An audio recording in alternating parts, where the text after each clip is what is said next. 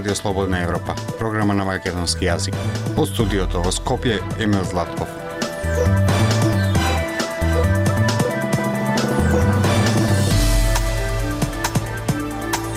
Почитувани во денешното издание на емисијата ќе слушате.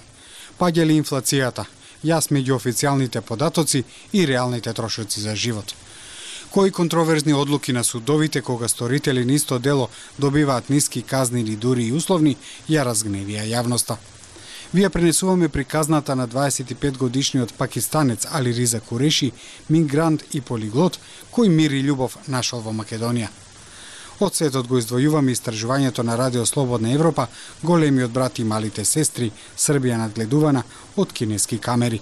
Слушајте не. Радио Слободна Европа, светот на Македонија. Инфлацијата во јули е намалена, но синдикалната потрошувачка кошничка истиот месец е зголемена. Владата се фали дека низините мерки даваат резултат против инфлацијата, но синдикатите и економските експерти сметаат дека реално намалување на цените нема. Прилог на Владимир Калински. Официјалните податоци на Државниот завод за статистика покажуваат дека инфлацијата во месец јули изнесува 8,4%, што е намалување во однос на јуни, кога индексот на трошоците за живот изнесуваше 9,3%. Владата вели дека инфлацијата паѓа бидејќи незините економски мерки го давале посакуваниот резултат, но од друга страна синдикалната потрошувачка кошничка се зголемува, како што објави Сојузот на синдикати на Македонија. Податоците на ССМ покажуваат дека овој месец на едно члено семејство му се необходни 48.620 денари за задоволување на минималната синдикална кошничка. Тоа е зголемување за 441 денар во однос на пресметките за потрошувачката кошничка минатиот месец. Од ССМ за Радио Слободна Европа велат дека ова зголемување на потрошувачката кошничка реално удира под жебот на работниците и граѓаните и покрај тоа што официјалната статистика покажува намалување зголемување на инфлацијата. Најголемото зголемување го има кај домување, односно кај комуналните трошоци за 2,4% и кај храната и кај овоците за 1%. Ова реално ова зголемување удира по джебот на работниците и граѓаните на оваа држава. Вели Светлана Димовски од секторот за економско-социјални прашања во ССМ. И покрај зголемувањето на минималната синдикална кошничка, владата уверува дека цените за живот ќе се намалуваат главно поради на времените чекори на владата. Премиерот Димитар Ковачевски изјави дека намалувањето на инфлацијата е позитивен фактор за севкупната македонска економија. Во периодот на кризата, граѓаните најмногу беа погодени од трошоците за храна, поради што државата во неколку наврати ги одмрзнуваше и замрзнуваше цените на основните производи. Државата ги контролираше цените поради трендот на растечка инфлација, која пикот од скоро 20% го достигна кон крајот на минатата година, но економскиот аналитичар Арбен Халили смета дека ситуацијата со цените во земјава се уште не е добра. Тој вели дека и покрај официјалното намалување на инфлацијата, трговците реално не ги намалуваат цените. Според Халили, институциите уште од почетокот на кризата не донеле соодветни мерки против инфлацијата, а вели дека немало ниту на времено хармонизирање на монетарната и фискалната политика. Владава добро што реагираше, но требаше да реагира екс анте, не екс пост, значи пред да се случат работиве, не да ги лечиме после работиве. Вели Халили. Македонската економија, како и останатите во светот, беше погодена прва од последиците од ковид кризата, на што се надовар за кризата со енергенсите и нивниот пораст на светските берзи по руската агресија врз Украина. Сакате да знаете повеќе? Наша веб страница slobodnaevropa.mk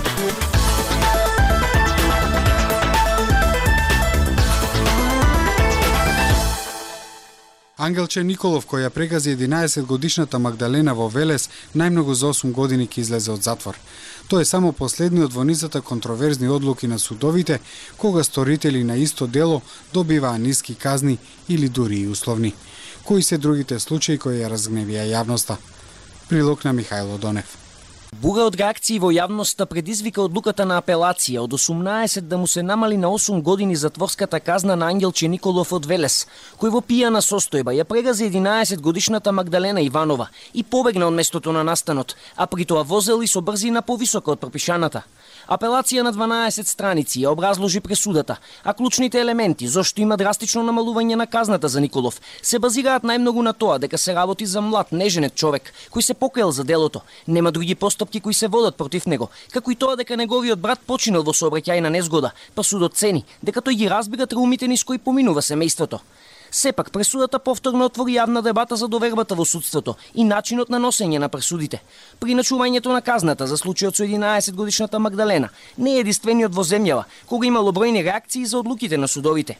Протести, негодувања и гнев кај семејството Николови од Радовиш предизвика тригодишната затворска казна за Јордан Ѓоргиев, кој на 20 јануари минатата година на пешечки премин кај Ситимол ја прегази и усмрти 24 годишната радовишанка Викторија Николова.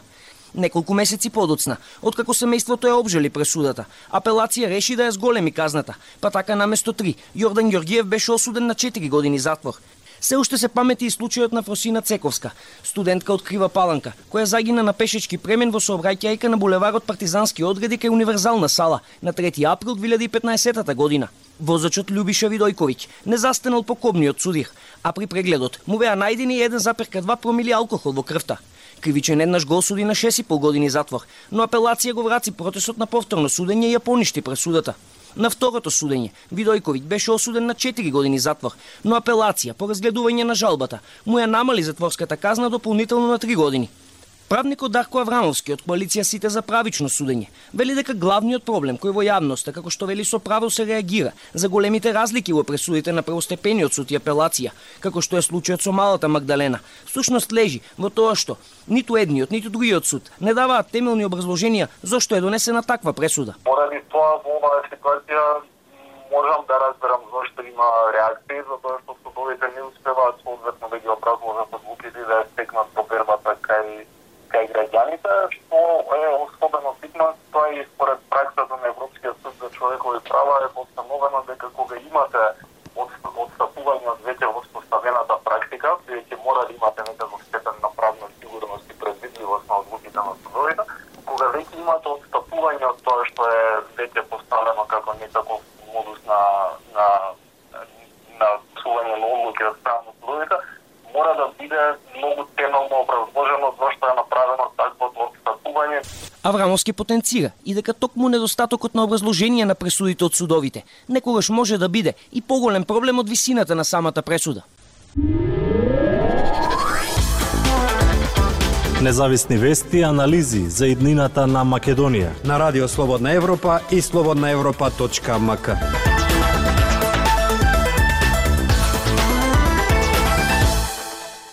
На само 13 години пакистанецот Али Риза Куреши станал мигрант. Заминал од дома без документи и без родители со намера да стигне во Германија. По неколку неуспешни обиди стигнал до Северна Македонија, каде живее веќе 5 години. Овде нашол работа и љубов. Емилија Бунтеска Нацоска. Половина живот го поминал како мигрант, откако како 13 годишно момче заминал од родниот Пакистан. 25 годишниот Алираза Куреши, кого пријателите го нарекуваат Али, веќе 5 години живее во Скопје и добил дозвола за привремен престој во земјава поради хуманитарни причини. Побарал азил во Северна Македонија, но не добил бидејќи не докажал оправдан страф од прогон од земјата на потекло. Се сеќава на долгиот мигрантски пат. Имавме во групата негде 50 души со крумча. Кога патувавме преку планини, преку шуми, останавме 45 души, бидејќи 5 души што беа со нас го почина заради ладното. Ја мисле дека Али Раза сега ќе умрам. Велико реши во разговор со РСЕ. Сега живее на релација Скопје Гевгелија, 5000 километри далеку од родниот Пешавар.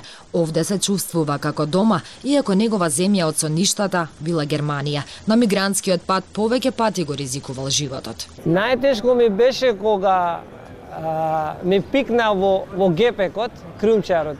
18 сат, јас и со мене имаше плюс тројса, ние бевме натез затворени и потоа заминавме за Турција се сеќава Али Раза. Три и пол години живеел во Турција, а две и пол години во Грција, каде работел како земјоделец. На крајот патот го донел во Северна Македонија, каде вели се чувствува најубаво. Нашол љубов во Крива Паланка, но и работа како преведувач во повеќе македонски институции, бидејќи зборува девет јазици. Работи и хуманитарно преку Црвен крст во Гевгелија, а ангажиран е и во прифатниот центар за азиланти во Визбегово. За Али Раза да се снајде добил помош од адвокатот Митко Кипровски, со кого се запознале во 2018 во транзитниот центар Табановце на границата со Србија, додека Кипровски работел во локална невладина организација. Станал негов полномошник во првостепената постапка пред секторот за азил во Министерството за внатрешни работи. Кипровски сега е дел од меѓународната организација Језуитска служба за бегалци, која дава бесплатна правна помош на мигранти, баратели на азил, присилно раселени лица и лица што се под меѓународна заштита во земјава. Податоците на Језуитската служба за бегалци покажуваат дека моментално во земјава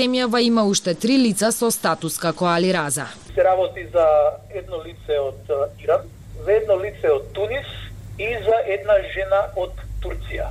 Значи, он имаат моментално привремен престој по хуманитарни причини согласно законот за странци, а предходно биле баратели на азил во Македонија, меѓутоа нивното барање било одбиено додава Кипровски. Се зголемува бројот на мигранти на Балканската рута според извештајот на Агенцијата за бегалци УНХЦР во првите три месеци од годинава ни Северна Македонија транзитирале 2040 мигранти или 32 од повеќе од лани во истиот период.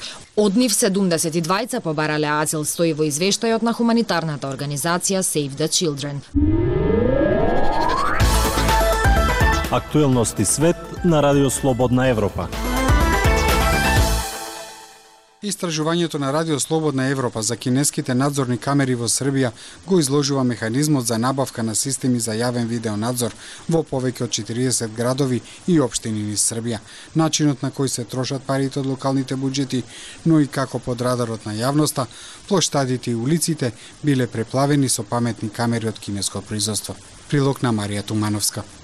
Обштинската администрација на српската општина Осечина купи 113 камери за видеонадзор во април минатата година. Во центарот на градот, каде што има само две раскрсници, живеат околу 2700 жители. Па така Осечина, која е населена со нешто повеќе од 10.000 граѓани, има една камера на 100 жители. Истите камери се поставени и во Љубовија, стотина километри на запад, Во јадрото на градот живеат 4000 жители, а планирано е да има 186 камери. До сега по истиот принцип се купени стотина камери, сите со исто образложение за безбедност на граѓаните. Но целиот процес во еден период пред јавноста беше представен и од државните представници. Поранешниот министер за полиција Небојша Стефановиќ во текот на 2018-тата ги посети така наречените мониторинг центри во полициските станици, а сето тоа беше објавено на веб страницата на МВР. Со години се води јавна јавна расправа за проектот Безбедно општество со кој компанијата Huawei и Министерството за внатрешни работи подпишаа меморандум за разбирање, за чие продолжение беше проектот за инсталирање илјада камери на белградските улици. За купување на оваа стока од буџетот на локалните самоуправи се инвестирани 27 милиони евра. На плоштадите и улиците во повеќе од 40 општини има системи за видеонадзор кои по правило се набавени преку процесот на јавни набавки од компанијата Мачина Security. Најмалку 10 општини и градови купиле јавни системи за видеонадзор со можност за препознавање лица. Сите овие градови и општини склучиле договор со Мачина Security. Производител на опремата во сите овие случаи е кинеската компанија Дахуа. Она што е познато е дека сите евидентирани податоци се сливаат во локалните полициски станици. Додека во моментот на ниво на Европска Унија се води дискусија за употреба на технологии за препознавање лица, градовите и општините во Србија набавуваат опрема што има такви можности. Новинарите на Радио Слободна Европа испратија прашање до представниците на сите 10 градови за кои анализираа целокупната документација околу тоа дали е почнат надзорот. Одговор стигна само од Бечај, откаде изјавија дека опримата се уште не се користи. Истражувањето на Слободна Европа покажа дека на сите овие тендери со години се пријавува само една компанија, Мачина Security од Белград. Во примерокот од 42 тендери оваа компанија имала конкуренција само во 8 случаи. Нито една од конкурентските компании не сакаа подетално да разговараат за овие тендери, а ниту Мачина Security пак сакаше да зборува за успехот на големиот број тендери. Тоа беше се за оваа емисија. Ја слушавте програмата на македонски јазик на Радио Слободна Европа. Од студиото во Скопје ве поздравуваат Дејан Балаловски и Емил Златков.